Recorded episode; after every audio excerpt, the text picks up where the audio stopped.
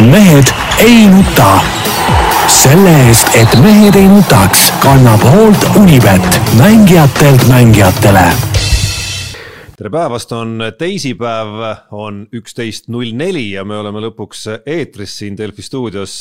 Peep Pahv, oh, mul on täitsa sassis nüüd ja endiselt sassis, et kus täpselt jätame selle nimekirja siis siis võib-olla, võib-olla tulevastele põlvedele täpsemalt analüüsida. tere, ütleme kõigepealt hoopis. tere, tere. jaa, Tarmo Paju on siin äh, siin ülendatud täna siis saadet sisse juhatama ja põhjus, miks see kõik niimoodi on ja tegelikult ka põhjus, miks me oleme neli minutit hiljem eetris, kui tavaliselt äh, on meil ekraani vahendusel, kuidas see oli, neljandast haiglast, on nii Jaan Martinson, tere Jaan!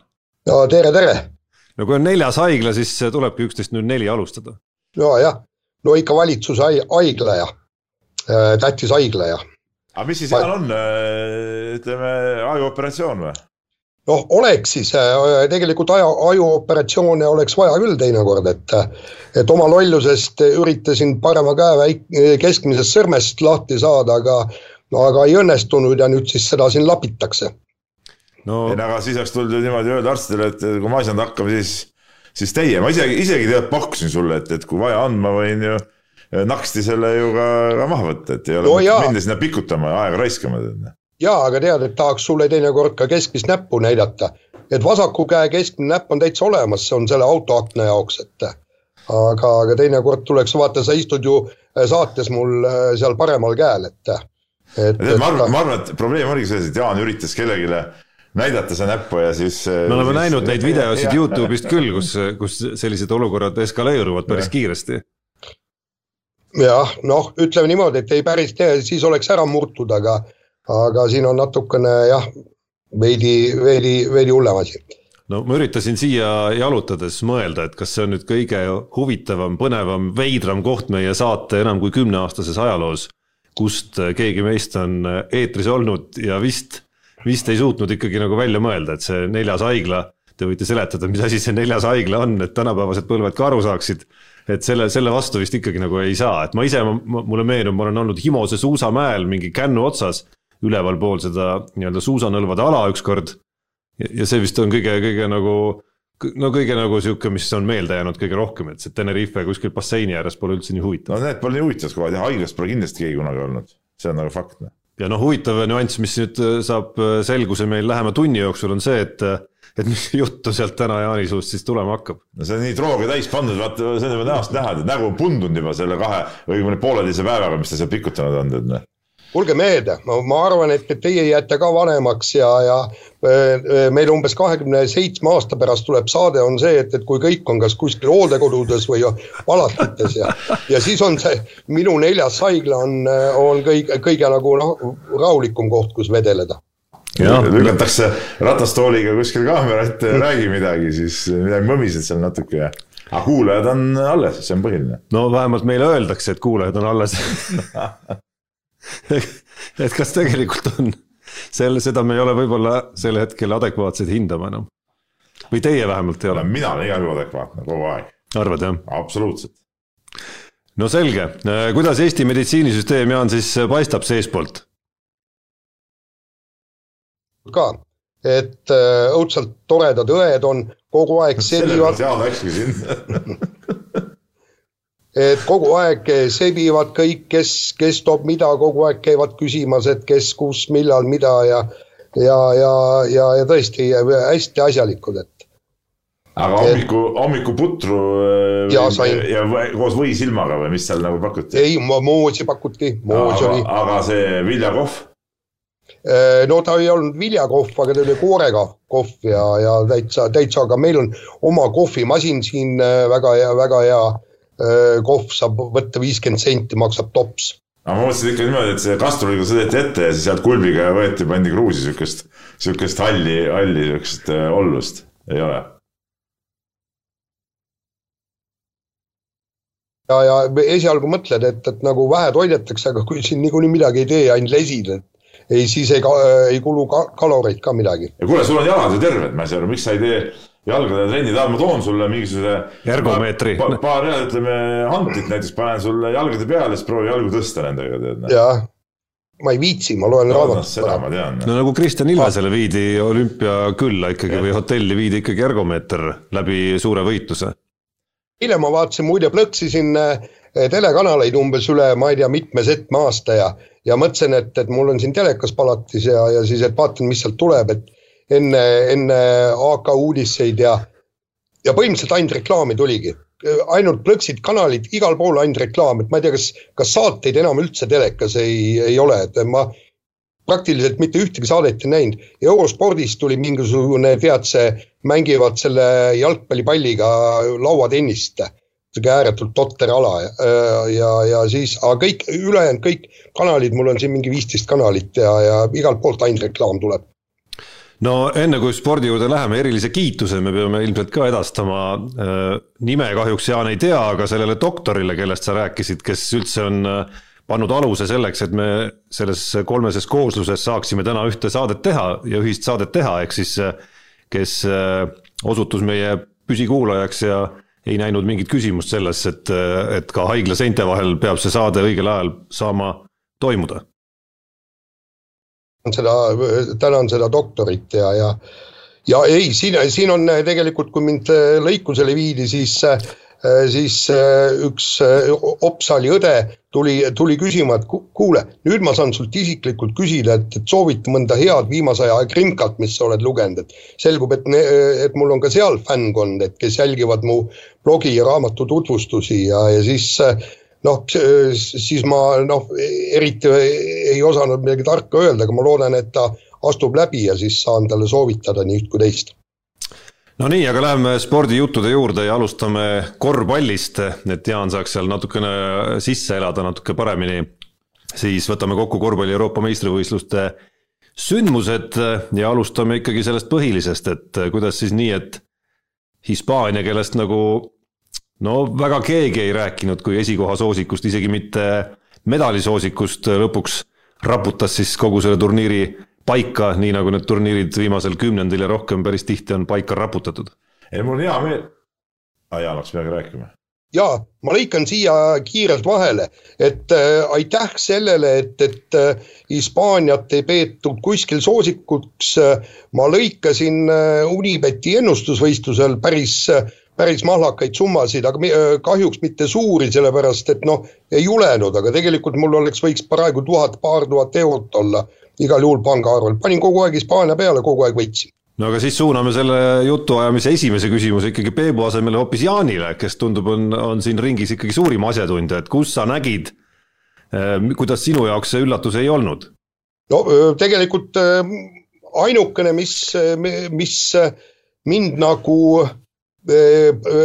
ässitas Hispaania peale panema, on, on ajalugu.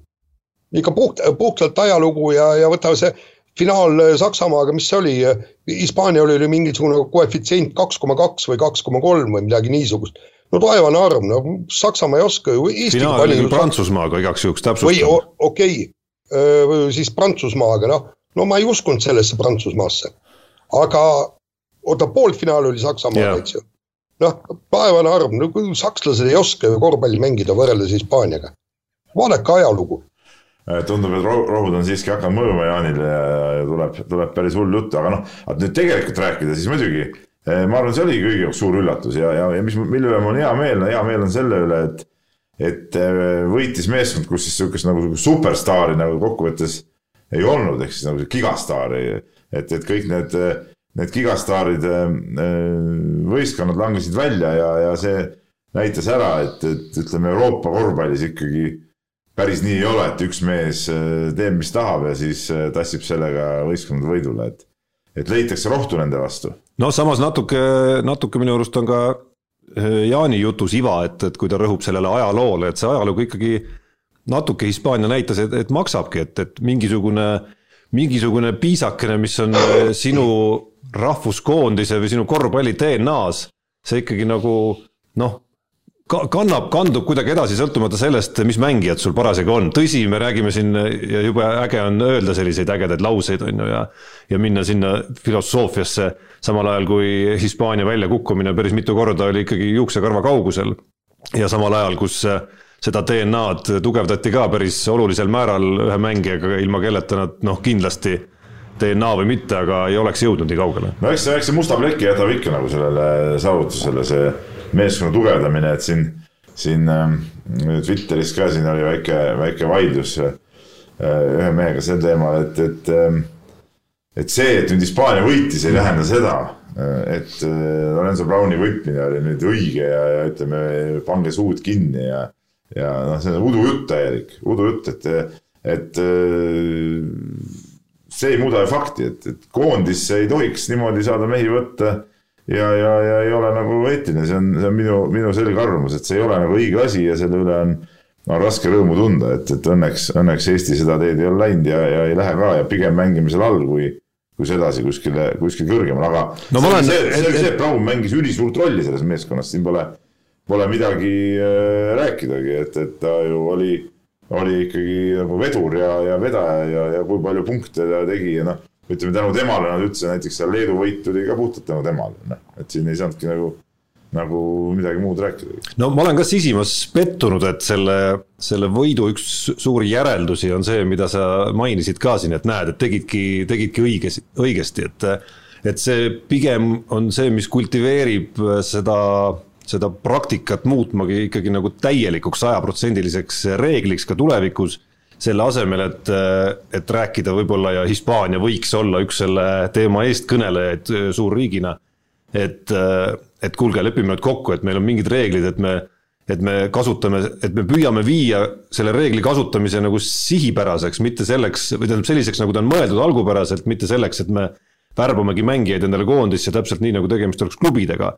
et me äh, näeme koondist, koondise sporti kui sellist, koondise korvpalli kui kohta, mis, mille tulemused peegeldavad siis seda, et mis seisus ühe või teise riigi rahvuskoondis antud hetkel või teisel ajahetkel on, et kui hästi on suudetud ma ei tea, konkreetseks aastaks kasvatada siis endale tipptasemel tagamängijaid, ääremängijaid, keskmängijaid ja nii edasi ja nii edasi, et, et. et kui me praegu, ma seekord vaatan, et kui praegult ei ole meil niisuguseid mehi, siis me olemegi sel, sel võistlusel olemegi allpool, midagi teha ei ole.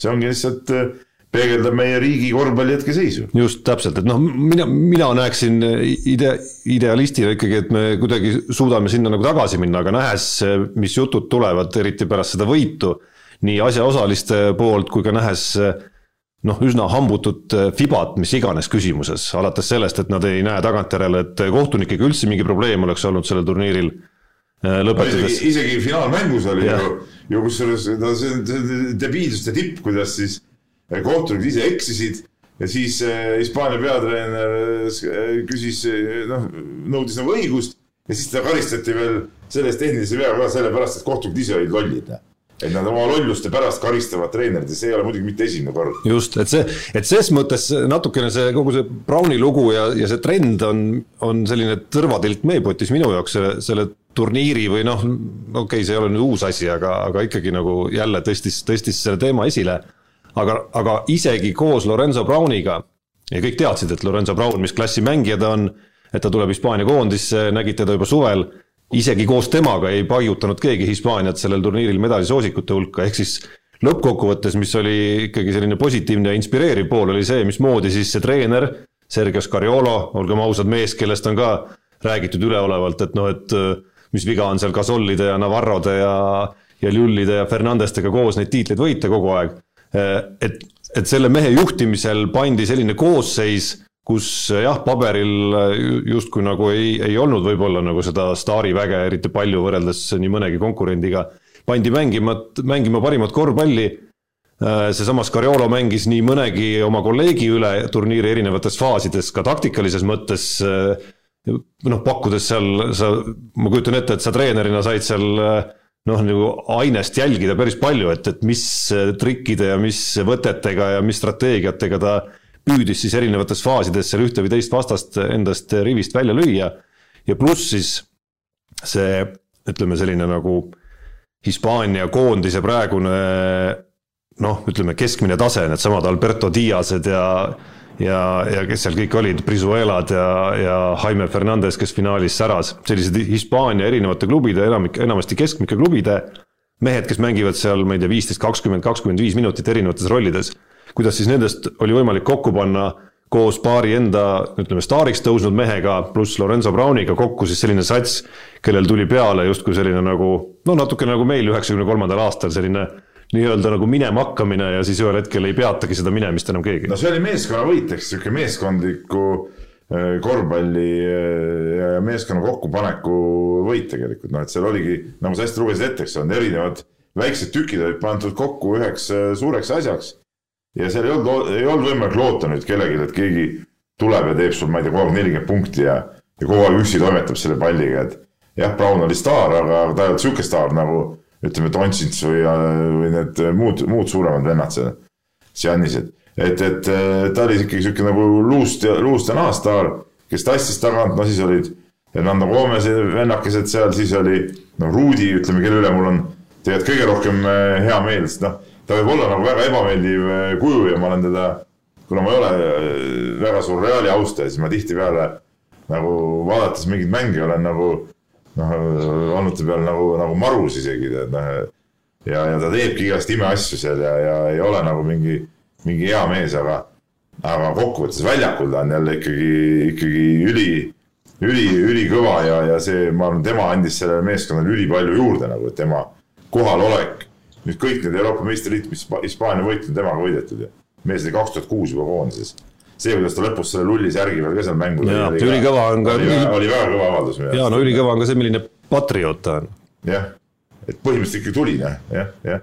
ja tema oli ka üks, kes eh, selle Browni toomise vastu oli alguses, vaata võttis, võttis seal sõna ja ei, see oli nagu vägev, et, et see oli nagu kogu siukse, jah, siukse niisuguse võistkonnavõit, see, see mulle meeldib kõige rohkem alati, kus ei ole mingit gigastaare, vaid kus ikka terve võistkond peab mängima. et mõnes mõttes on see, on see ju eeskuju ka, ma arvan, Eesti-sugustele satsidele tulevikuks, ükskõik, kas see, kas see lagi meie jaoks on, on siis äh, kuldmedal, finaal, esikaheksa või mis iganes see meie lagi parasjagu võiks samasuguse eduloo puhul olla, kus sellised asjaolud kõik satuvad nagu kokku, et on piisavalt äh, liidriomadustega mängijaid, on äh, piisavalt ma ei tea, kaitsespetsialiste, mehi, kes on valmis erinevaid rolle täitma, on treener, kes on võimeline üllatama ja panema siruli Vincent Collesid ja, ja ka siis Max Vitiseid mingite taktikaliste nüanssidega ja siis sellega koos mingite isegi kui vahepeal tuleb tõrkeid, no Poola on samasugune näide natukene, mis, kus toimus, ma ütleks, üsna sarnane selline äh, selline nagu keemia ja, ja koosluse edasiminek. võib-olla no, isegi. ikkagi natuke anomaatilisem natuke. no, no aga võib-olla ikkagi sarnane ka natuke sellisele Eesti üheksakümne kolmanda aasta käekäigule. Äh, kus, kus ka mingid lülid on paigas, mingid. võideti siis, kui oli vaja võita. jaa, täpselt, täpselt, et, et noh, ma arvan, et ka meie ei hakka kolme aasta pärast rullima võib-olla võidult võidule, et, et sa kuskil komistad, kuskil saad otsustaval hetkel võidu ja siis, siis, siis see enesekindlus ja edu nakatab niimoodi, et ühel hetkel on sul poolakatel seesama Šiškovski, kes seal oma veidra viskiliigutusega vaatad, et äh, peaks Euroliigas mängima ja hispaanlastel on oma isiklikus karjääris mitte eriti heas seisus Juancho Hernan Gomez, kes siis ühel veerandajal viskab finaalis sisse kuus tabavat kolme punkti viset, et, et sellised nakatumised äkitselt äh, ja, ja hood leiavad äkitselt aset. Jah, nii on, see, see teebki selle mängu nagu nauditavaks, eks ole, et ei ole nagu, et sa ei tea nagu ette, et et, et kogu see mäng koosneb sellest, et keegi, üks mees rullib seal ja noh, nad ongi kõvad ja rullivad kõigist üle tänu sellele ühele mehele, et siin nagu seda ootamatuse sihukest tulevärki on nagu palju rohkem ja, ja kes täna just esile tõuseb, eks ole, nii nagu seda, nii-öelda seda teist Fernandest mainisid, kes tegi finaalis ju, ju väga suurepärase mängu, eks ole, lihtsalt, lihtsalt tõusis seal selles mängus üliolulisel hetkel esile, noh, et see on nagu, see ongi nagu äge. ja, ja väga äge oli veel sellise mehe nagu Alberto Dias esiletõusmine. juhin tähelepanu, et teda ei oleks koondiseski olnud, kui Sergei Llull ei oleks vigastada saanud viimasel hetkel no.. ja, ja nüüd me räägime võib-olla, et mees näitas, et on Euroopa korvpalli parim kaitsemängija üldse äh,. mul oleks muidugi Lull rohkem meeldinud koondises jah, aga mine sa tea, koos Lulliga ilma Diaseta võib-olla ei oleks äh, seda edulugu juhtunud lõpuks. ka, ka üsna ilmekas näide, et, et, missuguseid rollide täiteid sul on vaja, et meeskond äh, oleks päriselt meeskond no,. see näitab tegelikult ka seda valiku laiapõhjalisust, noh et, et sul kukub mingi vend ära ja sa toodki siukse mehe, kes varem pole seal koondises tiitlivõistlustel kunagi mänginud, kunagi noortekoondises ainult olnud noh, sa tead tema mingit taset ja, ja tood ja, ja ta veab tead EM-il välja, veab väga suurepäraselt välja, noh no lihtsalt üks mõte, mis tema puhul pidevalt kangastus, oli veel see, et, et ka meil on siin Martin Torbek ja Märt Rosenthal ja ma arvan, igal maal on neid mehi, kes, kes kas ajaloos või, või hetkel, praegusel ajahetkel on sellised, keda nähakse siis sellise kaitsestopperina, et minu arust me nägime nüüd sellise stopperi rollitäitja sellist üht ide-, üht kõige ideaalsemat versiooni üldse. et, et kui me räägime palliga mehe survestamisest näiteks, siis, siis see surve, mida suutis Dias peale panna, oli ikka nagu täitsa müstika ju. jah, ei no jah, suutis küll hästi seda, ma ei, ma ei oska midagi, ma nägin üldiselt, üldiselt ma Hispaania mänge nägin suhteliselt vähe tead sel EM-il. ma alagrupis nägin ainult seda, kui nad kaotasid, kellele nad kaotasid seal? Belgiale. Belgiale jah, selle mängu lõppu ja siis järgmine mäng, mis ma Hispaaniast nägin, oli see, kui sa mängisid Leeduga et, et, et nii, nii, niimoodi see nagu läks, et. nii, aga nüüd me üritasime siin selliste asjaarmastajatena natukene mittespetsialistidena kogu seda Hispaania teemat lahata, Jaan, kes ikkagi pani ka oma naha mängu ja raha Hispaania peale, saab nüüd, saab öelda, kuidas tegelikult asi oli? ei te, tegelikult oligi asi nii, nagu te rääkisite, aga, aga ma jah, et hea te, et te selle Poola sinna sisse tõite, et mäletate, eelmises saates me rääkisime äh, rääkisime, kuidas Eesti ju võitis Poolat, et, et, et noh, eks selge see, et, et seal on mingisugune vend, kes paneb kolmekümneseid kontserte ja, ja ilmselt see ongi põhjus, et, et, et meil ei ole praegu ikkagi ühtegi nii individuaalselt sedavõrd seravat tähte, et, et, et kes võiks selle meeskonna tassimise enda peale võtta. aga vahetame teemat, läheme selle juurde, et meie kahe tuhande kahekümne teise aasta medalivõitjate, suurvõistluste medalivõitjate äh, nimistu on saanud jätku, ehk siis naiste maadluse maailmameistrivõistlustel võitis Epp Mäe pronksmedali, ihaldatud finaalikoht jäi küll saamata, aga, aga Jaan, sina, kes sa oled maadlust kõige rohkem kajastanud, äh, kuidas seda pronksi, mis oli vist neljas MM-i medal juba Epp Mäe jaoks, kuidas, kuidas seda nüüd hindama peaks tema, tema, tema karjääri kontekstis? Äh, ütleme niimoodi, et, et Epp Mäe ikkagi, äh, mida vanemaks saab, seda, seda tugevamaks äh, läheb, aga, aga seal oli ikkagi, et see ei olnud noh, ta on okei okay,, pronksi sa ikkagi alati võidad, aga, aga see oli ikkagi täiesti kaotatud finaali koht, et nagu Epp Mäe ise tunnistas ka, et öösel ärkas üles ja mida paganat ta seal poolfinaalis tegi, et ta ju juhtis seda matši ja ja, ja siis anti talle passiivsusest hoiatus, mis tähendab seda, et ta äh, peaks nagu ühe, äh, kolmekümne sekundi jooksul äh, sooritama võtte, aga kui ta seda ei tee, siis vastane oleks saanud lihtsalt ühe punkti, aga mitte juhtima läinud. ja maadelda jäi kuusteist sekundit pärast seda veel. ja, ja Epp Mäe läks pik-, millegipärast seda öö, võtet tegema, mida absoluutselt ei olnud vaja teha ja jäi, jäi oma üritusest vastasele alla, vastane sai sealt kaks punkti ja kuna Epp Mäe võtet ei teinud, sealt veel ühe punkti ja äh, palun, oligi finaali koht olemas. aga ma olen mõelnud, Jaan, Jaan, aga kas sa, äh, ma olen mõelnud selle peale, sina nagu oled Epp Mäega palju nagu tegelenud, et et mis tal siis nagu puudu jääb, et tal tihtipeale need siuksed, need otsustavad äh, matšid, mis nüüd nagu peaks midagi tagama, no on ta nüüd olümpiatel olnud või, või MM-idel noh, need, need ikkagi lähevad kuidagi nagu nihu, et mis, mis, mis probleem tal siis on? Äh, puhtalt mõttekramp, et, et ta kuidagi äh, ma ei tea, kas, kas ta ei kuula ka treenerit, treener Ahto Raska ju vist äh, karjus sealt kõrvalt, et hoia, hoia, hoia, eks, et, et aga, aga, aga ta lihtsalt läheb sellest fookusest mingil hetkel välja. samas jälle pronksi matš oli täiesti briljantne, briljantne näide sellest, kuidas tuleb maadelda et seis oli viigis, aga, aga ta oli noh, nagu eh, domineerivam pool ja, ja lõpus pool minutit enne eh, matši lõppu eh, ta sai vastase jala kätte niimoodi, et, et vastane jäi ühel jalal keksima. ja selle asemel, et ta kohe matilt välja lükata ja sellega siis võidupunkt saada, ta lasi seal mati ääre peal keksida ikka noh, kümmekond sekundit selleks, et, et, et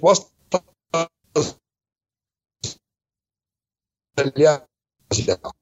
ja, ja, ja see oli niivõrd, niivõrd tark otsus ja see oli taktikaliselt väga hästi maadeldud matš, et kord ta suudab ja, ja siis jälle ei suuda, aga no siin on äh,, tahaks näha, kuidas need nooremad maadlejad sealt alt peale tulevad, aga praegu, kui äh, Euroopa meistriks äh, kroonitud türklanna Adar ilmselt lõpetab, siis vähemalt äh, Euroopa tasemel või, või noh, isegi maailmas või see oli mm ju, et maailmas on ka väga paljud lõpetanud, et praegu tundub, et Epp Mäe peaks olema ikkagi maailma esinumber. seal oli see üks Kanada naismaadleja oli vaata, kes võitis mitu tiitlit, kas tema on ka lõpetanud? ja tema, teda, teda ka ei olnud, kas see ei olnud Biebe?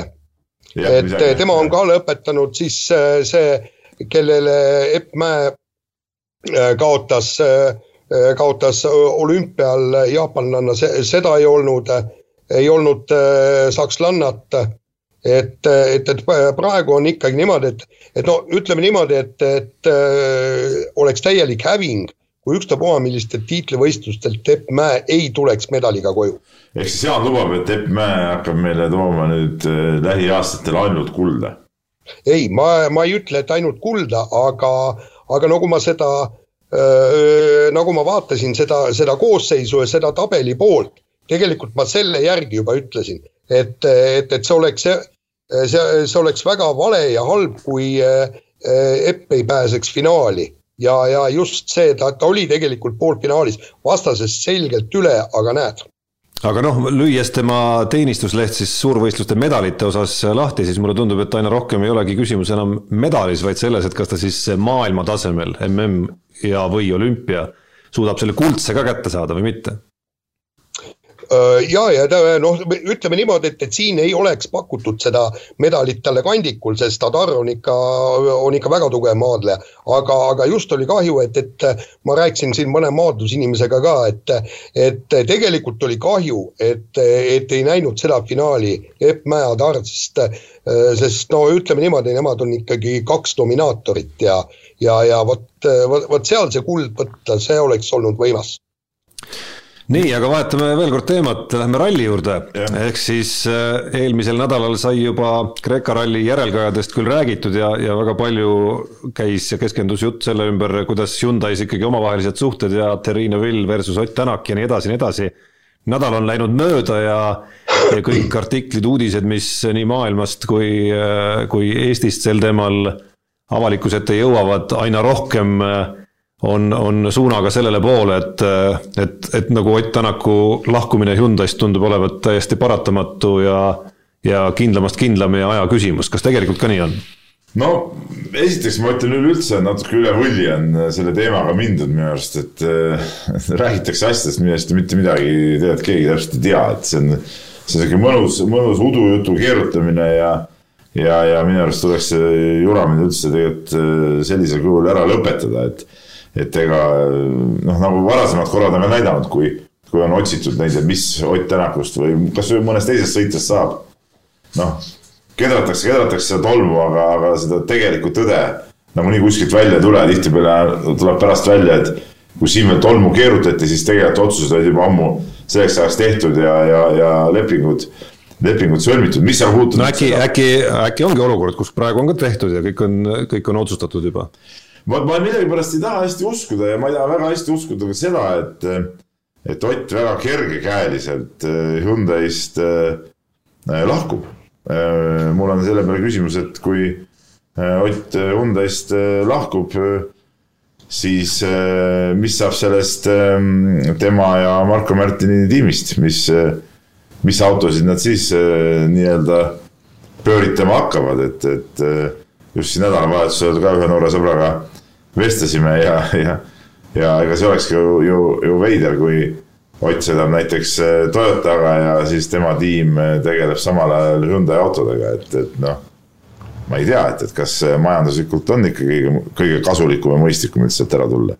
Peep äh,, järjekordne spekulatsioon oli ju see, mida ma just täna lugesin, veidike aega tagasi et äh, Ott Tänak läheb M-sporti ja hakkab pööritama Forde. jaa, aga need äh,, Jaanikene, need Fordi R5-d, need on ju täiesti, täielikud saanid ju noh, nende pööritamine on, on äh, sportlikus mõttes muidugi äh, täiesti, täiesti jura tegevus noh. jaa, aga, aga Fordil tuleb ju nüüd see R2 auto täi-, täiendus ja, ja noh, nad on uuendusi teinud, eks me vaata, mis, mis endast kujutab, aga selles suhtes ma olen sinuga nõus, et pigem kui üldse kuhugi minek on, siis see võiks olla M-sporti just sellesama põhjusel, mis sa, mis sa välja tood, et noh jaa, aga siin on jällegi teine, minu meelest on kõige põnevam äh, selle ralli nädala kõige põnevam sündmus äh, seisab ees neljapäeval. kui äh, Esa-Pekka Lappi annab üleilmse pressikonverentsi, et kõik äh, ralli ajakirjanikud on sinna kutsutud. Ja, ja, ja seal on kirjas, et noh, et ta rääk-, räägib möödunud hooajast ja sellepärast, et ta kolmel viimasel rallil ei sõida, seal sõidab Ogier, aga, aga see on nüüd kummaline, vaata noh, kui Solberg või Sordo või, või keegi lihtsalt no, noh, tema rallid saavad lihtsalt otsa, ta ei kutsu ju kokku ülemaailmset et äh, jällegi mul Soome sõbrad saatsid äh, meili ja kahtlustavad, et äh, Lappi teatab karjääri lõpetamisest. ja, aga põhjusi võib olla kaks. ma ei tea, kas see välja öeldakse, üks põhjus võib olla, et Ott Tänak läheb Toyotasse ja teine võimalus võib olla see, et, et äkki Ogier võtab ja sõidab järgmine aasta täishooaja sellepärast, et miks ta võttis endale need kolm viimast rallit ja seda, selle peale mõtlesin ise ka ja see on see, et ta tahab järgmine aasta uuesti paugutama hakata, see on tõenäosus on päris suur muidugi. muidu ei ole pointi ju, okei okay,, Uus-Meremaa võttis sellepärast, see on lihtsalt lahe koht, on ju. et pole, pole ammu käinud, on ju. noh, Jaapan võib-olla ka, aga, aga, aga seal vahele jääb veel siis Hispaania, eks ole, noh. et noh, mis, mis point nagu sellel on, noh. Poleks nagu. ja kusjuures need ja kusjuures need tulevad ju üsna, üsna üksteisele kuklasse ka, vaata pikad sõidud, mine sinna Uus-Meremaale, sealt tagasi, sealt kohe Hispaaniasse, et et nii-öelda vana mees, kes ütleb, et oh, ma teen mõned rallid võib-olla kaasa, et väga ei viitsi ka ja et vaevalt, et tal raha otsa on saanud. ei, seda kindlasti mitte, no eks mingid sportlikud sügavused nagu löövad ikkagi välja. no ja, ja nagu selgub, et ega, ega Ossier seal kereautodel äh, ta eriline tegija ei ole, aga võib-olla mõtleb tõesti, no tead, kihk on peal ja, ja, ja sõidaks ikkagi veel ja mine sa tea, et äkki tahab äh, lööbi tasemele jõuda ja ka üheksanda tiitli ära võtta ja mine sa tea kümnendagi aga tuleme koduste sportide juurde tagasi. FCI Levadia jalgpallimeeskond, Eesti valitsev meisterklubi seejuures ka on siis vahetanud äh, peatreenerit nüüd juba kolm korda ja, ja tundub, et asjad vähemalt esialgu paremaks sellest ei lähe. sellepärast, et nädalavahetusel uue peatreeneri Maksim Kalõnutšenko käe all alustas FCI no, Levadia.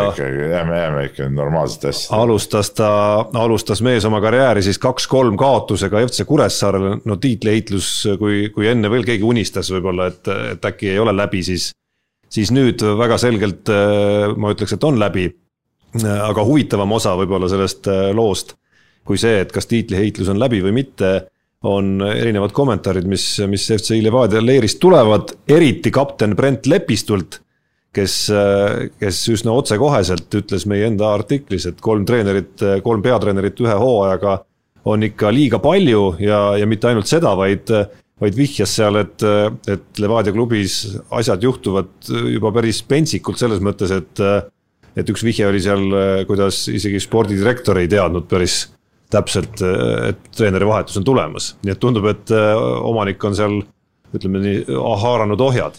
no aga omanik on ka sihuke mees, kes ütleme, kui näeb, et asjad ei laabu, siis, siis armastabki nii-öelda rusika lauale lüüa ja, ja ohjad haarata, et, et selles midagi üllatuslikku iseenesest ei ole. no head tulemust selline töökorraldus klubis, ma ei, ma ei tahaks uskuda, et, et see on no, see väga hea eeldus. see võib olla nii ja naa. kui sul on palgatud inimesed, kelle asi on palgata peatreener, eh, koostada meeskond ja siis, siis sa hakkad no,, hakkad ise neid asju ikka, otsustama, kes see vastutab ise, lõpuks siis no.? vastutab eh, see kas spordidirektor või sina? alati saad ta lahti lasta, kokkuvõttes on sinu oma, ise tead, mis teed, noh. et siin kellelgi midagi kobiseda ei ole, et selles suhtes pole midagi ütelda küll aga ma olen äh, Brent Lepistuga nõus, et äh, kolm peatreenerit ühel hooajal on ilmselgelt liiga palju, et äh, just, just nagu mängijate ja, ja, ja mängu jaoks, et sa pead kogu aeg nagu uuenema, mingi, kohanema mingi uue asjaga ja ja, ja ütleme, seda mängu hakates ka jälle ümber sättima, mingid põhimõtted muutuvad.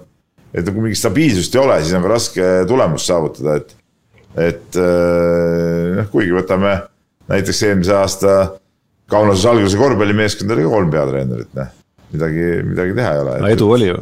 Eh, edu ka lõpuks ei olnud jah, aga ma ütlen, et, et siukseid käike tehakse paratamatult, kui asjad ei, ei suju ja, ja olgem ausad, et ega, ega ka kahe eelmise peatreeneri käe all Levadial asjad ei sujunud, noh, et et ma ei tea, kas no teisele nüüd väga palju aega ei antud. no väga palju aega ei antud, aga ta tuli ikkagi ju samast süsteemist ju.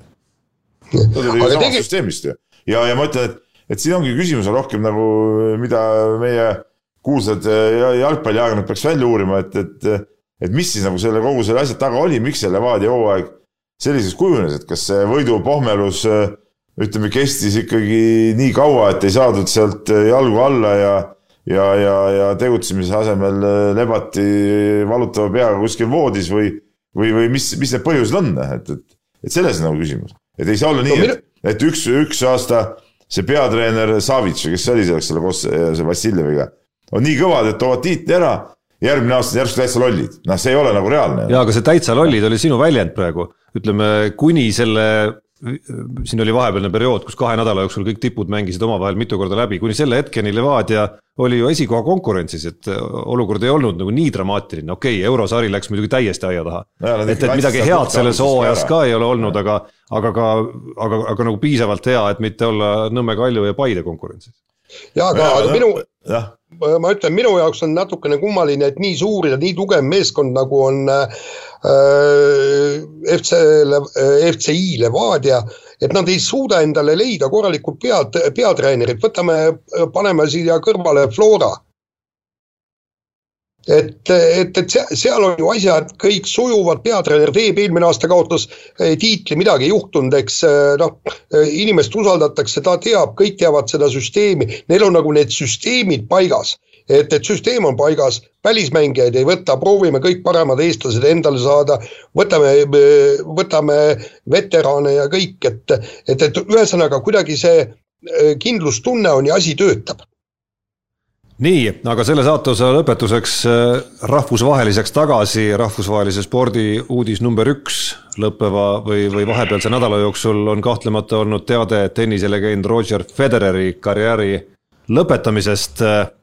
loomulikult on saanud erinevad väljaanded üle maailma nüüd kõvasti kiskuda jälle välja äh, arutelu selle üle, et kes sellest suurest kolmikust, kellest kaks muidugi veel mängivad, ehk siis Nadal ja Djokovic äh, on kõigi aegade suurim, aga. ei, mis seadub, mis. aga alustuseks. suurimad üldse, mis muud mehed, mis näed, pole keegi aegade suurim. kuidas nii? no kuule, ikkagi võta seal Borg ja, ja McEnroe ja, ja need on aegade suurimad. Nad ei pääse Grand Slami tiitlite arvestuses no, nagu ligilähedalegi. mis, millel on tähtsus no,? tähtsus selles, kui, kes on kõvad, noh. jaa, aga näiteks äh? tulemused spordis ei näita. tollal oli noh, ütleme oli kõvas mehi rohkem pra. praegu ei, oli kolm päris hullu meest korraga ikka. ainult kolm meest oli praegu. ja aga, aga toona oli ju Borg, McEnroe, Connors, Silas äh,, Nastase, no see, see oli ikka, vot, vot see oli nagu äh, ülivõimas, üks kõige võimsamaid tennisepõlvkondi. samas ma küsin, et äh, kolmikul on mitu äh, suurt slämme välja mängitud, ma, minu teada Rod Laveril on neid kaks kus ta on ühe aastanumbri jooksul võitnud kõik neli suurturniiri no vot, see oli nüüd küll ajastu, kus konkurents, ma arvan, ei ole võrreldav ei sinu kirjeldatud äh, McEnroe'de ajastuga ega ka senise Nadali, Djokovic'i, Federeri ajastuga. nojah, on mis on, ütleme, mis Federeri puutub, siis. aga, äh, aga. noh, räägi, räägi, Jaan.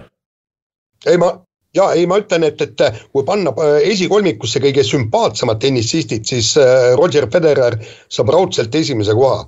aga, aga nüüd, kui nagu, nagu kogu maailm tõesti räägib, et kes on greatest of all times, et äh, midagi ei ole teha, praegu on Rafael Nadalil Grand Slami tiitleid rohkem ja, ja, ja sa ei saa Federeri temast mööda tõsta kusjuures ei saa jah, ma sattusin ühte päris huvitavat analüüsi lugema, New York Times oli võtnud selle ette, kus oli siis püüdnud äh, erinevate statistikate läbi need, äh, need tabelid siis paika panna, et alustati loomulikult äh, Grand Slami tiitlitest, kus Nadalil on kakskümmend kaks, Djokovicil kakskümmend üks ja ja Federeril kakskümmend, aga siis üritati minna edasi, et okei okay,, vaatame veel ka Äh, Grand Slami finaali jõudmisi ja poolfinaali jõudmisi ja paneme seal mingi punktisüsteemi, tekitame välja, et äh, näha, kes on siis äh, võimalikult ühtlaselt teinud ja siis jõuti järeldusele, et selle punktisüsteemi järgi on Djokovic ikkagi esimene, siis mindi vaatama, kus ta meil siin on, kogu Grand Slamide ajaloo võiduprotsenti mille järgi esiteks mehed on muidugi ülivõrdsed, komakohtades käib kogu, kogu arutelu ja järjestamine seal, aga, aga napilt on esimene Nadal, siis mõeldi välja veel selline huvitav valem, kus siis hakati Grand Slami tiitlite omavahel liitmise asemel neid korrutama, mis siis peaks andma suurema võimaluse sellele, kes on võimalikult mitmekülgne, ehk siis kui Federeril on French Openilt ainult üks tiitel, no siis see korrutustehe ei anna talle mitte midagi. Ja loomulikult selle arvestuse võitja on, on Djokovic, kes, kes on kõige ühtlasemalt suutnud erinevaid suure slam'i tiitleid võita.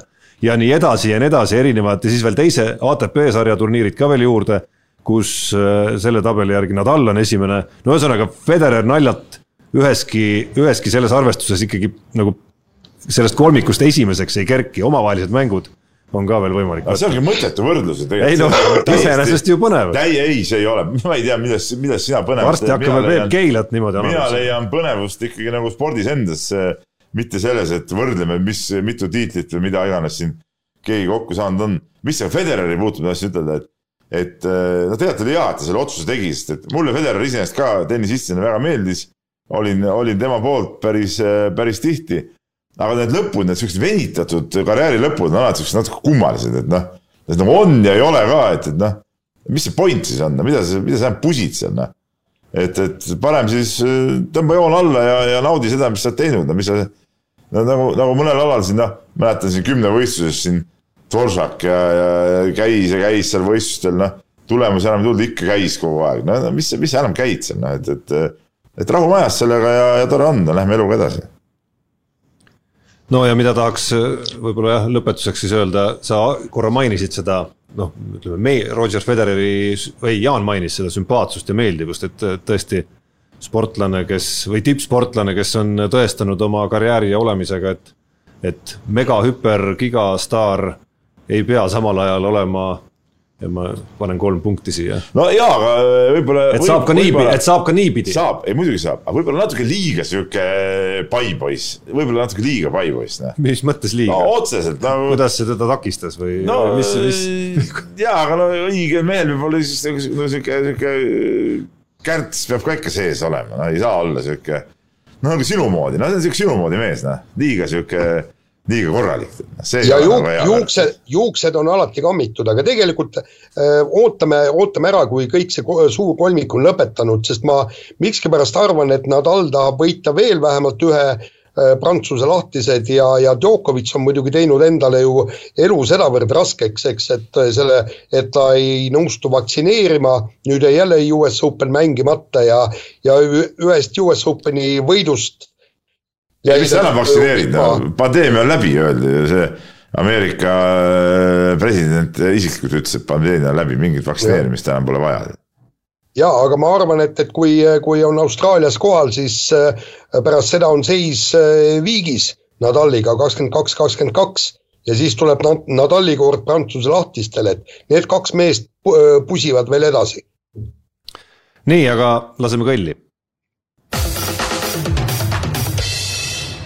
ja tuleme kiire vahemängu juurde. Otepää sai endale kahe tuhande kahekümne seitsmenda aasta laskesuusatamise maailmameistrivõistluste korraldusõiguse, mis olgem ausad, on päris kõva sõna. no see on väga kõva sõna, ütleme, see on äh, ilmselt siis äh, ma ei oska nüüd võrrelda, no ta on ikkagi, ta on isegi kõvem kui see, kui see MM-ralli siin Eestis, et ma arvan, et ta ongi kõige kõvem võistlus, mis Eestis on üldse, üldse toimunud. Äh, ma mõtlen ka siin sihukese üldise maailma võib-olla, no okei okay,, ilusutamine, see EM oli ka siin võib-olla võrreldav tegelikult, sest ilusutamine teatud suurriikides on ka väga populaarne, aga, aga see, ma arvan, et see on üks kõige kõvemaid asju, mis üldse kunagi on toimunud.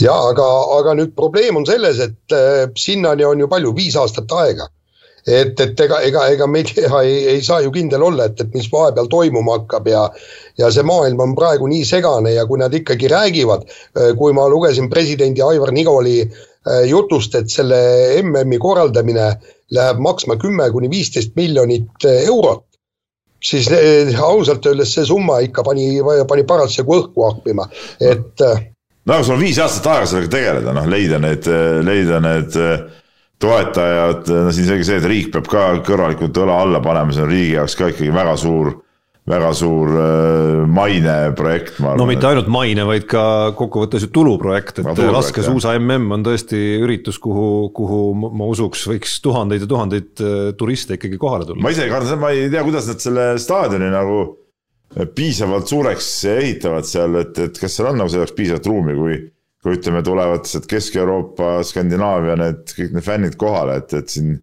no siin päris seda staadionit on kogu aeg ju rekonstrueeritud ja, ja nende suur, suurte võistlustega selle MK-etapi, mis siin oli.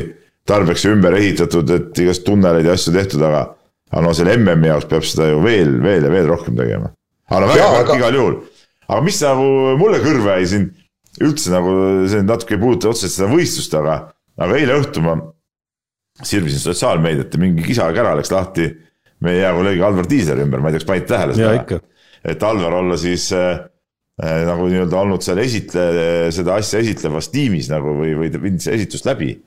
et, et, äh, et ajakirjanikule nagu mittekohane äh, käitumine ja mingi huvide konflikt ja ja, vana sõber Pullerit selle kõik üles tõmbas ja ma ütleks nüüd, kuule Priit, et tõmba nüüd tagasi, tead noh, täielik lollus ju see ei ole mingisugune äriprojekt, see oli, see oli nagu nii-öelda nagu riigi hüvanguks tehtud ja, ja kui mees seal seda, seda vedas, siis äh, mina siin küll midagi taunimisväärset, taunimisväärset ei näe tegelikult, et äh, ei ole see aja, ajakirjanik nii mingi eriimeinimene, et mitte midagi elus muud teha ei tohi, et, et et äh, siin mingit vastuolu mina küll ei suuda nagu näha. noh, see vastuolu on, kui ühel hetkel satub Alvar Tiisler olukorda, kus ta peab näiteks mingit laskesuusatamise juhtimisega seotud mingisugust äh, suurt probleemi lahkama. no mis see siia puutub praegu? no siis see, on tal, siis on tal. see, et sa aitad tiitlivõistlusi siia tulla, siia tuua ei tähenda seda, et sa ei või kritiseerida ala, ala juhtimist, mis, mis täielik lollus on Peep, kuule no., tee selgeks, kas ETV kritiseerib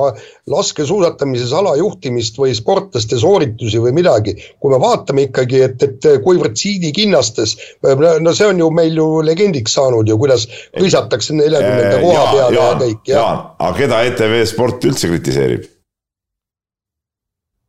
nojah vaik, paus kandis praegu, ütleme nii. ja paus kandis. jaa, aga see, kuhu ma oleks tahtnud veel väikese, noh, ma ei tea, torge on võib-olla vale sõna, sest eesmärk ei ole torgata, aga aga küsimus, mis selle MM-i korraldamisega ja nende rahamahtude ja selle tähelepanuga, mis sinna läheb, on muidugi see, et kes siis on need Eesti atleedid, kes kaks tuhat kakskümmend seitse säravad sellel kodusel MM-il, et, et et samal ajal kui laskesuusajuhtidel läheb tõesti päris palju tähelepanu väga ägeda asja tegemisele, on väga oluline jälgida, et, et et ei kaoks tähelepanu ära olulisemast asjast ehk siis, ehk siis meie enda laskesuusatamise arendust, no. aga ega suht sinisilmne oleks ju loota, et meie oma sportlased hakkavad siin kuskil medalite eest võitlema, et, et sellist arenguhüpet, noh.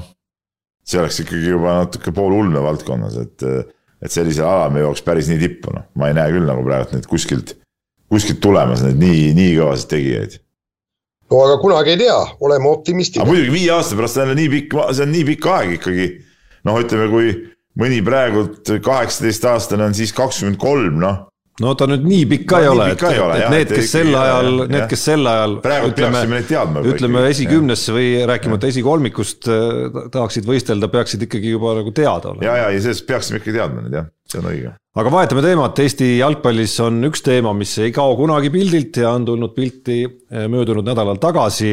Itaalias aastaid mänginud äh, noor jalgpallur Oliver Jürgensi isa Jüri oli intervjueeritav siis Õhtulehe reporteril, kes käis äh, Milanos vaatamas Eesti koondise tegemisi. Äh, miskipärast Oliveri ennast äh, siis intervjueeritavaks ei saanud. aga Jüri Jürgensi sõnum selles intervjuus oli siis selline, kuidas koondise kutsed Eesti jalgpallis on Flora, Aivar Pohlaku ja Harri Ojamaa äri ja Eesti jalgpallikoondise peatreener Toomas Häberli on vastanud sellele, et äh, vabandage väga, aga mina küll ei tulnud perega Eestisse selleks, et äh, teha otsuseid mõnel muul põhjusel kui mängijate tase, keda ma kutsun koondisse ja keda mitte. no ja kui me tasemest räägime, siis äh, Häberli võiks öelda ka, et mis siis Jürgensi tasemel viga on. kas ta mis, peaks meestekoondises olema? mis tal puudu, ei, mina ei ole jalgpallikoondise peatreener. et kui see teema on üleval, no siis võiks ju seda nagu selgitada, on ju jah no., aga teine asi on see, see intervjuu oli üldse, üldse nagu segane, sest seal ju visati ka kapsaaeda välisklubide kapsaaeda ju öeldi, et, et sa pead sattuma nagu õige treeneri käe alla ja et kuidas kuidas äh,. see vastab tõele ju. jah, et, et see poiss on tegelikult, peaks mängima rohkem platsil ja ta peaks saama rohkem võimalusi, aga ei saa. Ja siis seal oli ju pikk jutt ka, et kuidas tema lõi, lõi seal, oli vist poolfinaalis, lõi selle võiduvärava, aga teise mehe pea oli ka seal lähedal ja siis pandi see värav teise mehe, teisele mehele kirja ja, ja, ja see on noh, nagu noh, ma ei tea, tähendab, kui, kui jalgpallur on hea ja, ja tõesti noh, tipptegija, siis ma arvan, et äh, siis ta oleks platsil, mängiks üheksakümmend minutit, ta oleks puu täis. ei no eks see vastab ju tõele. või puuripalle täis. jaa, aga see vastab muidugi Eesti jalgpallis tõele, et ikkagi teatud vahet võib-olla tehakse, et mis süsteemist keegi pärit on, kes kellega seotud on.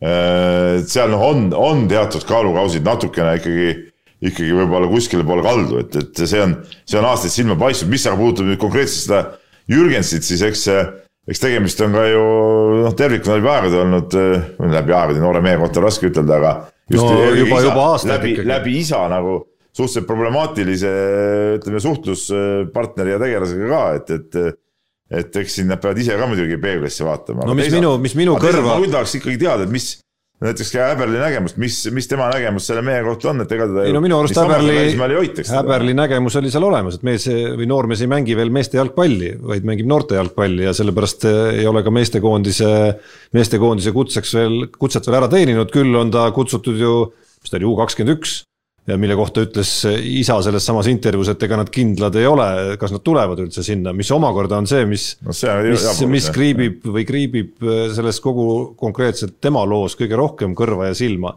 et kui, kui mulle miski jäi meelde sellest äh, korvpallikonverentsi aegsest Jorge Carbajosa külaskäigust, siis, siis sellele konverentsile eelnes üks telefonivestlus, kus ta rääkis päris pikalt sellest, mis sammudega Hispaania korvpall väga süsteemselt nagu üritab kasvatada seda, et, et juba noortekoondistest alates, noorteklassidest alates ei oleks koondises, koondise akende ajal mingisuguseid loobujaid, okei okay,, on vigastused ja on haigused ja asjad, aga et, et juba noorteklassis kõik vähegi koondise kogunemised, ükskõik, okei okay,, nemad mängivad Hispaanias enamasti ja ei mängi välismaal, aga et alati oleks kõik kohal, et seda patriotismi, mida me siis lõpuks nägime Rudi Fernandese näol kolmekümne seitsme aastaselt, et seda kasvatada, seal olid erinevad võtted, üritused, kuidas, kuidas neid samu staare viiakse kohale, kuidas suheldakse kogu aeg nendega. et noh, siin selles loos on ju see suhe täiesti katki juba aastaid olnud. ja, raske ütelda, kumma, et kindlasti pole ka jalgpalliliit võib-olla kõike maksimumi peal seda teinud, aga me ei tea seda täpselt, seda tausta no jaa, aga rääkida, rääkida sellest, et U kuusteist koondises treener eelistas teist ründajat.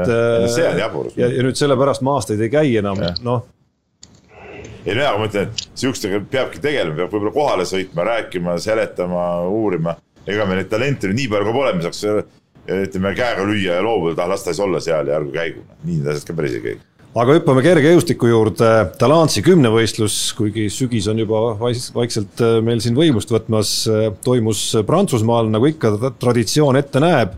ja Eestit oli seal esindamas Risto Lillemets, isiklik rekord oli lähedal, aga seitse punkti jäigi ikkagi puudu. kaheksa tuhat ükssada nelikümmend üheksa oli, oli saldo. tubli tulemus, midagi pole ütelda. tubli tulemus, aga, aga samas arenguhüpet ei olnud sel aastal. arenguhüpet ei olnud sel aastal ja, et eks siin on mingid erinevad põhjused ka võib-olla ähm,. aga, aga see, et ta sinna välja läks ikkagi noh, ta Lantsi, ma ise Lantsis ühe korra kohal käinud, see on päris, päris kõige sihuke äge võistlus, sihuke võib-olla Kötsis järel teine sihuke silmapaistev kümnevõistlustraditsioonidega.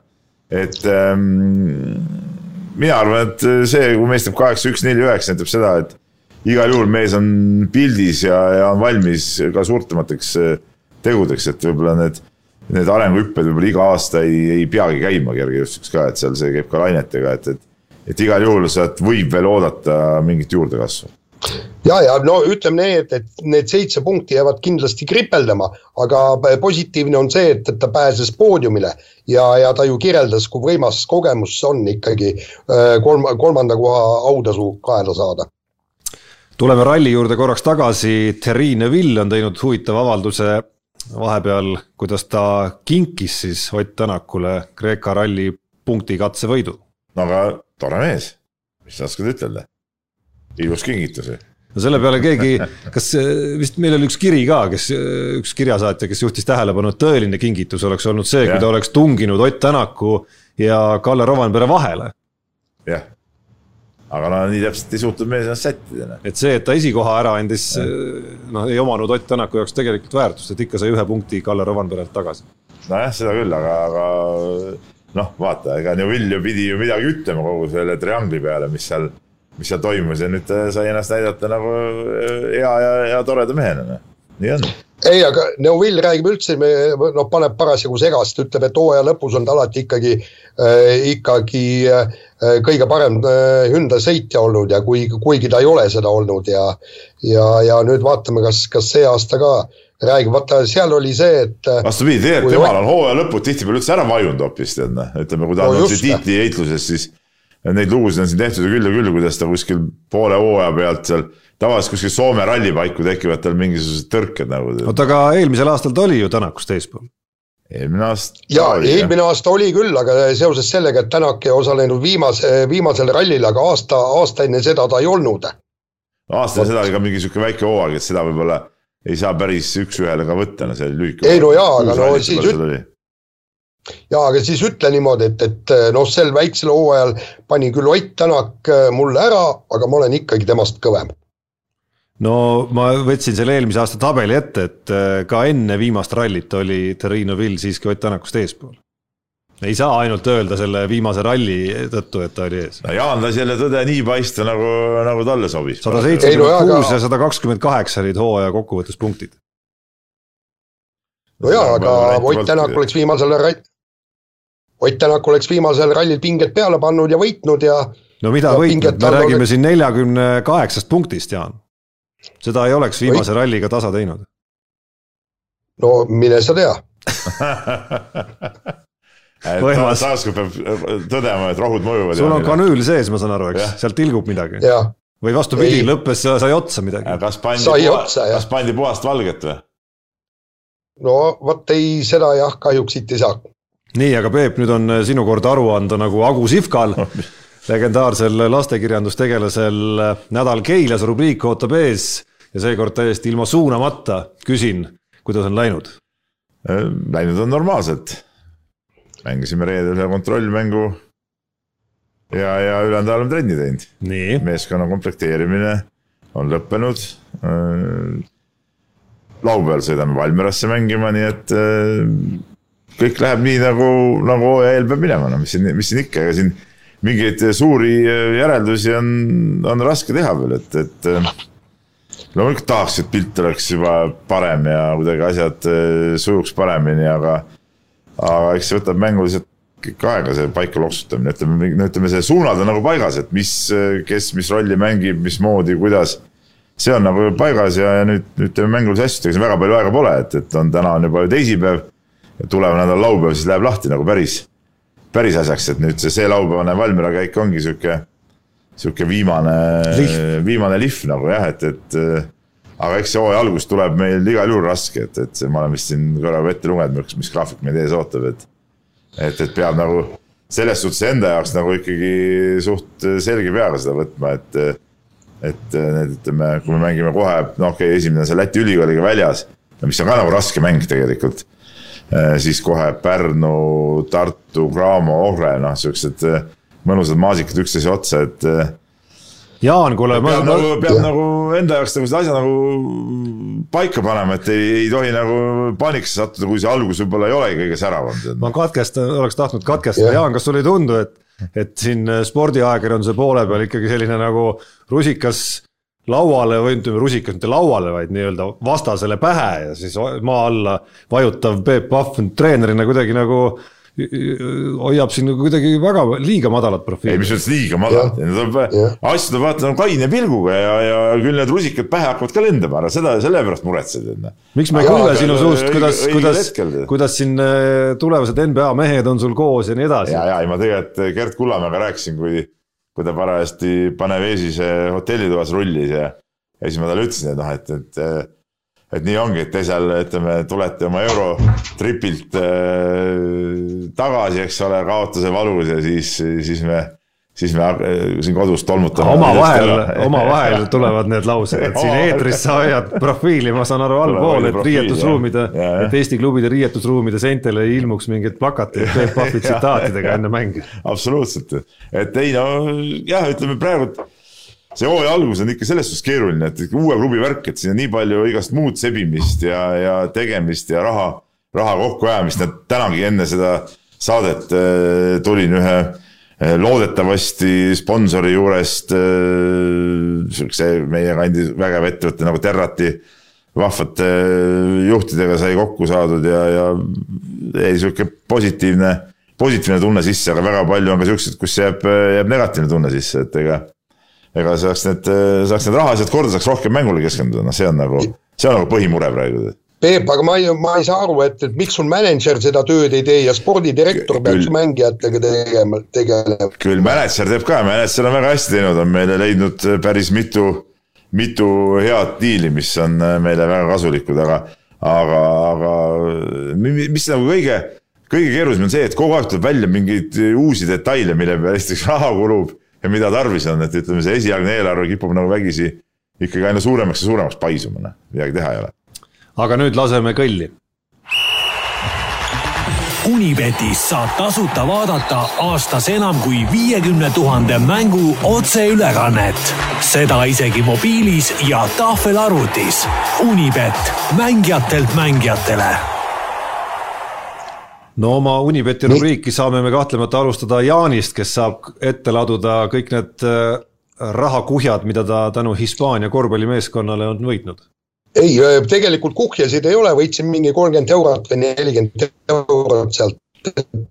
kuskilt kahesaja kaheksakümne alla olen jõudnud, kahesaja neljakümne pealt oli, aga ma tõesti noh, tähendab ühesõnaga ma tundsin, tundsin kahetsust, et, et ma ei läinud noh, nagu Ameerika jalgpallilikult suurtele panustele mängima, et, et tegelikult nii poolfinaalis kui finaalis oleks ikka võinud, oleks võinud sajased lauda lüüa ja sealt oleks oleks praegu, praegu kena, kena võtta olnud, aga, aga noh, no nii spets ma ei ole, et, et, et korvpallis, et, et, et nõnda, nõnda riskida, et kahju, aga, aga, aga nii on, et aga olen enesega rahul aga nüüd ma pean ütlema, et, et mina lõpetan selle saate, kuna mul hakkavad siin teatud protseduurid oh, ja. sa võid ju, sa võid kaamera jätta sisse. rahu, rahu, rahu, ega mis see on siis, ega sul suud ei õmmelda seal või midagi ei tehtud, et noh ja me tahame, me tahame ka näha neid kenasid äh, näitsikuid valges äh, kitlis, kes ümber su voodi seal tantsisklevad, nii et, äh, nii et no, sa võid, sa võid mikrofoni panna kinni, aga ja. kaamera ei, laseb mikrofon võib ka olla ikka sees. ma ei ole kindel.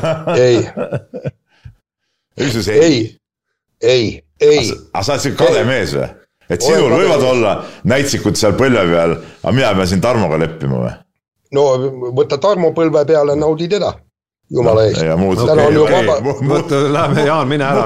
Peep, Peep, Peep, läheb käest ära juba siin. mis mina, Jaan pakkus selle välja nii, aga ma olen siis kirjutanud. soovime edu, edu Jaanile ja, ja, ja Eesti meditsiinisüsteemile, et äh, loodetavasti kõik need õed ja doktorid saavad selle meie Jaaniga kuidagimoodi ikkagi hakkama, et, et me teame Peebuga päris hästi, milline nuhtlus võib ka Jaan ikkagi teatud olukordades olla. võib-olla, vaid ongi. tšau, Jaan. tšau. ole terve. Nii, Peep. nii äh,, ennustus, ennustus see nädal. Äh,. see nädal on pahasti jah, ma siin, kuna ma, ma olen siin nagu vähe hävinud siin viimasel ajal, siis ma ei teagi, mul varsti pole midagi sinna panna enam no.. mul läks ka pahasti selles mõttes, et äh, esimene paha on see, et, et, et ma seda EM-i oleks võinud kasutada natukene efektiivsemalt ära ja teine on see, et konkreetne nädal jäi ka veel ühe panusega, mis ma panin miinusesse, see oli äh, legendaarne veerandfinaal Prantsusmaa ja Itaalia vahel, kus ma mingil hetkel Prantsusmaa üsna suures eduseisus panin Itaalia peale panuse ja, ja nagu me mäletame, siis Itaalia oleks selle mängu võitnud, kui Simone Fontecchio oleks vabavisked sisse visanud otsustaval hetkel. või selle viimase, viimase rünnaku viske. jah, et, et sinna siis, sinna siis, sinna siis see nagu läks, uue nädala Unibeti eripanus Mehed ei nuta sildi all saab olema jalgpallist Eesti jalgpallikoondis, äh, UEFA rahvuste liiga ja tavakoefitsient Eesti võit Malta vastu on üks koma seitsekümmend seitse, mehed ei nuta eripanusena saab see olema siis äh, pisut kopsakam. Läheme kirjade juurde. Lähme kirjade juurde ja ma siis, kui minu nii-öelda rubriigiga selle põhiosa lõpetasin, mis ma teen kohe alguses Indreku kirja siia ära, ta küsis sellist asja, et et, et kui Peebolt tuleb esimene meistriga võit, et kas siis teen ka sellist teatrit nagu Itaalia peatreener Posseccio tegi, aga no krediitkaarti ma ilmselt äh, meestele ei, ei usalda, no, no. no ma ei tea, noh, aga, aga seda ma luban küll, et näiteks kui me nüüd. Äh, seal Keilas ei ole vist kohti, kus seda nii palju Oi, tuulutada no. kui, kui Berliinis. no ikka on, on, miks ei ole siis, seal on väga hea pubi, muuseas väga hea pubi. siis seal on Äh, siis seal on. sa ei usalda oma mehi, ma saan aru. Ameerika-laadne söögikoht. itaallased, ma saan aru, sõid kanatiibu ja jõid vett lihtsalt. no ja, ei, ma lihtsalt tean, et need, need oma, oma kadjakad, keda ma olen siin üles kasvatanud, need nagu vee joomisega muidugi ei piirdu, tead. aga noh, seda ma ütlen küll, et kui, kui me nüüd ikka selle avamängu Riias võidame, siis tagasi veel bussi ikkagi ütleme, üks õlu on nagu lubatud. ma oleks arvanud, et ikka siis on Lidosse minek ja. aa, Lido aga Liido, see on kõva koht muidugi, selles vanasse, sellesse esimesse Liidosse, mis seal oli, sinna võiks küll minna. see on tore. ja no muidugi eesotsas seal ütleme, ütleme teadupärast treenerid ja muu staff istub tavaliselt bussi ninas. no seal on võib-olla rohkem lubatud kui seal tagapool. selles ma ei kahtle. no sa mind ju tead. ka pärast kaotusi, ma arvan vaata, siin on, siin on kaks varianti, et kas tuleb, tuleb seda. et kas see pudel on äh, ajalehe sees või ta on avalik jaa, täpselt, et, et, et tuleb. sõltuvalt tulemusest jah, analüüsivedelikku kasutada või, või siis rõõmu, rõõmu selleks. nii, aga, aga lähme siis siin võtame muud, muud kirjad ka ja teadlane Priidik kirjutab ähm, huvitava küsimuse, mis on siis seotud sellel nädalal, tegelikult juba eile näidati seda, ma saan aru, mõnes kohas, aga neljapäeval on see ametlik esilinastus äh, spordifilmist Kalev ja. ja kinodes ju täitsa ja. jookseb juba, olin päris lähedal, et eile minna, nüüd on tänases plaanis. kuigi ma ei saagi nagu aru, et, et kui esilinastus on neljapäeval, kuhu mul on ilusti ka kutse, siis äh, kuidas film saab juba joosta, et see on ka nagu imelik, noh. ja kuidas pole esilinastus, mis tähendab, esi tähendab seda, et see on nagu esimest korda tuleb välja kuidas saab olla siis, kui film no, tead mitu päeva jooksnud juba? no ma soovitan äh, sellele üritusele minna, kuhu sa kutse said ja seal ikkagi häälekalt äh, sissejuhatavas osas nõuda vastuseid. jah, et, äh, et jah, ma võib-olla ikkagi nagu lähen sealt läbi. nii, aga Priidik küsib sellist, sellist asja, et kuna Kalevi tegemist on film olemas, siis tekkis küsimus, et millised spordisündmused meie ajaloos vääriks analoogset filmi.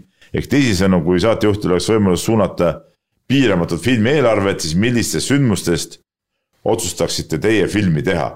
no esimesena ma saan aru, et see ei olnud teadlas, teadlane Priidiku küsimuse võib-olla nagu siht ikkagi, aga olles näinud päris ägedaid dopingufilme oma ja. elus, kasvõi, kasvõi eh, mõne aasta eest valminud Ikarus, siis, siis üks selline dopingufilmi süžee hakkab küll kruttima, tõsielul põhinev Eesti lumel toimuvast spordist. jaa, ei sellest, sellest kindlasti, see oleks, sellest saaks päris hea põneva filmi, ma arvan, vaata kunagi tehti Eestis see seriaal sellest äh, ka dopingu teemadel, aga, aga võib-olla sihuke. no see oli ikka üsna, üsna fiktiivne. jah, see oli sihuke fiktiivne, siis oleks ikkagi nagu päris, päris asja, siis ma arvan, et päris okei okay,. Äh, Lance Armstrongi kogu see lugu Landist ja see lugu, väga äge film oli näiteks, midagi sellist. aga, aga kui me räägime praegu ikkagi nagu mängufilmist, siis, äh, siis ma arvan, et päris okei okay asja saaks kindlasti ka näiteks äh, Erki Noole karjääris saaks päris äh, toreda filmi, kuidas,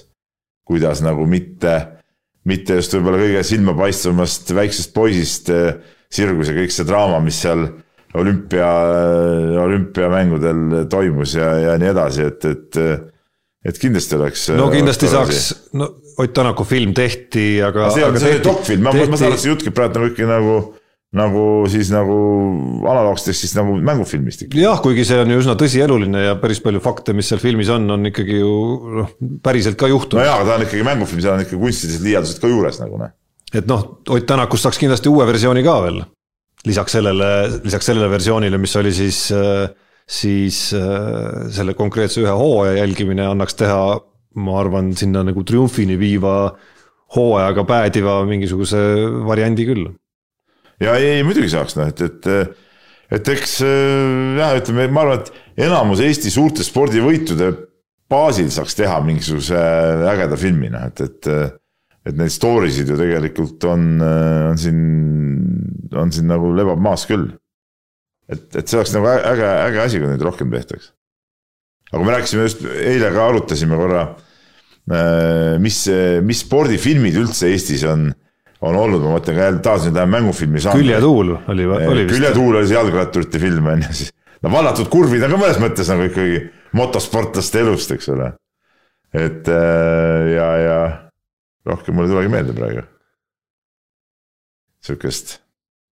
jah, ei prahvata. mulle, mulle meenus veel üks teatrietendus oli sihuke etendus nagu Lahtihüpe, mis oli sihuke korvpalliromaani sarnane asi, mis oli minu arust ka Mihkel Triksi äh,. judopoisid meenub. stsenaariumi veel, jah, teles olid judopoisid veel jah, jah.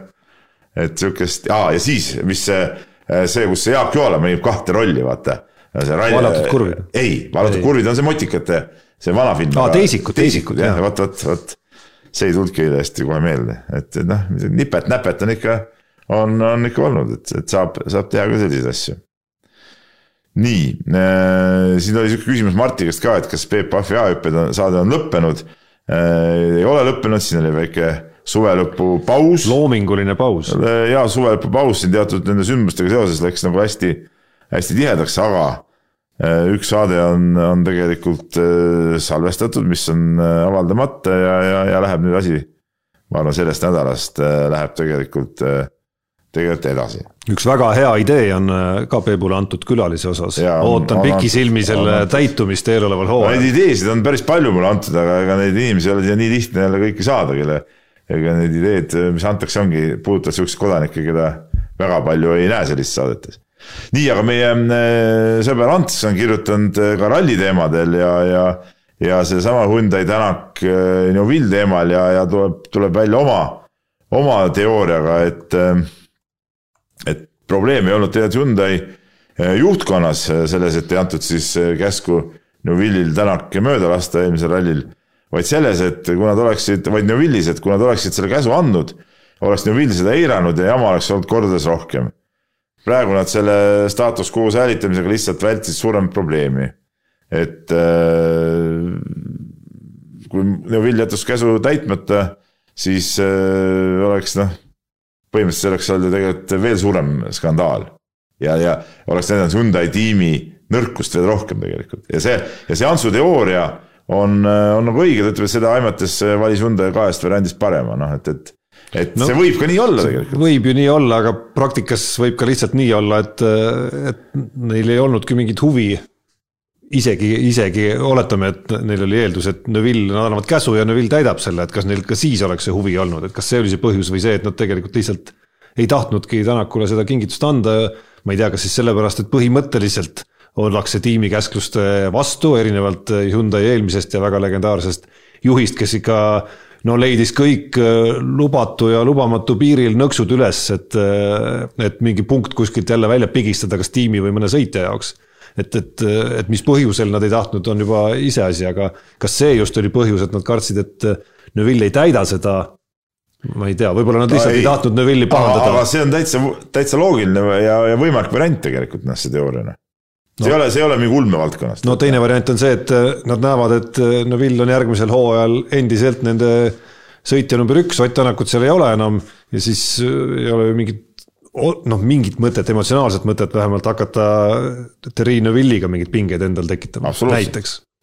ja lõpetuseks võtaks Maidu, Maidu kirja, mis on ka tegelikult väga, väga huvitav tegelikult oma oma tähelepaneku poolest ja kirjutab siis nii, et seoses hiljutise Michael Parki seitsmeteistkümnenda surma-aastapäevaga tekkisid mõtted, et kuidas küll võivad mingid sündmused olla omavahel seotud ja kuidas mingi situatsioon võib tekitada mingi teise ahela. Kõlab tobedalt, aga kui kahe tuhande viiendal aastal ei oleks Velsis seda õnnetust juhtunud, siis oleks Märtin võib-olla edasi sõitnud ja ei oleks tekkinud noorsõitjate programmi, ehk ei oleks meil ilmselt praegu Ott Tänakut. no päris äh, loogiline, loogiline kirjeldus, sest pärast seda ju tegelikult äh, Märtin noh, peale nii-öelda siis MM-sarjas sõitmise lõpetamist selle noor, noortesõitjate programmi käivitaski ja, ja sealt Ott Tänak siis kõige nii-öelda kuulsama mehena välja kasvas. No ja lihtsalt see oleksite jada, me ei tea, mis pidi siis oleks Ott Tänaku elus need oleksid siis praktikas kulgema hakanud, et võib-olla oleks leidnud mingi muu tee siis. no võib-olla, aga kunagi, kunagi ei tea, või siis eh, Maidul on ka teine, teine teooria, et kui Urmo Aava karjäär oleks natukenegi olnud edukam ei oleks meil praegu ilmselt Rally Estoniat. no mis vastab ka jälle äh, loogika, et, et kui Aava karjäär oleks edukam, siis ta oleks sõitnud MM-sarjas edasi, poleks Rally Estonia korraldamise peale mõtelnud ja, ja meil ilmselt MM-rallit praegult ei oleks, sest et olgem ausad, kui poleks Urmo Aavat, siis ei oleks ka seda ülejäänud tiimi seal ümber, see on, see on nagu, see on nagu fakt, noh. jah, aga isegi kui tema karjäär oleks pikem olnud, noh, ta oleks ikkagi ühel hetkel lõpetanud ja võib-olla veel suurema, võib-olla veel suurema põlemisega ralli korraldamise juurde läinud. ei vaata, aga siis oleks tekkinud tal sellist tühimikku rallispordi, rallispordis, mida enda jaoks täita selle ralli korraldamisega, et see on mõnes mõttes tema jaoks see oli ikkagi ju, ju nagu selle äh, sõitja karjääri äh, varajase lõppemisest ainult tühimiku täitmine oli see ralli korraldamine no,. et asja juures nagu olla tegelikult. Urmo peab sellele ise vastama, ma arvan täpsemalt. ma, ma ei mäleta sinu saatest temaga, et ta oleks sõnastanud kogu seda karjäärile järgnenud osa siis äh, ainult mingi tühimiku täitmisena, et. et äh, pigem jäi mulle meelde ikkagi see versioon ja, ja see tema mõte, kus, kus ta lihtsalt ongi väga ambitsioonikas inimene ja kui üks uks sulgus, siis, äh, siis ta asus teisele teele, mul on tunne, et ta oleks oleks jõudnud sellele teele sõltumata sellest, kas ta karjäär lõppes sel hetkel või oleks lõppenud viis aastat hiljem. selge, selle tõdemusega ma arvan, võime siis tõlgendame siin Urmo Aavat praegu. Üksteise võidu. vabas vormis, nii nagu ise tahame. Jääme ootama Urmo, Urmo tagasisidet ja saame järgmises saates siis, siis vahendada seda ka teile. nii aga tänase saate saame lugeda lõppenuks, loodame, et Jaan on järgmisel nädalal äh, tilgutite alt äh, väljas, on need ained kehast ka ära uhutud juba kõikide nende. liikumatus asendis, ma ei tea, kohe ära, ära, ära jama, nii, ühesõnaga tänud kuulamast-vaatamast ja oleme tagasi järgmisel teisipäeval. mehed ei nuta. saate tõi sinuni Unibet, mängijatelt mängijatele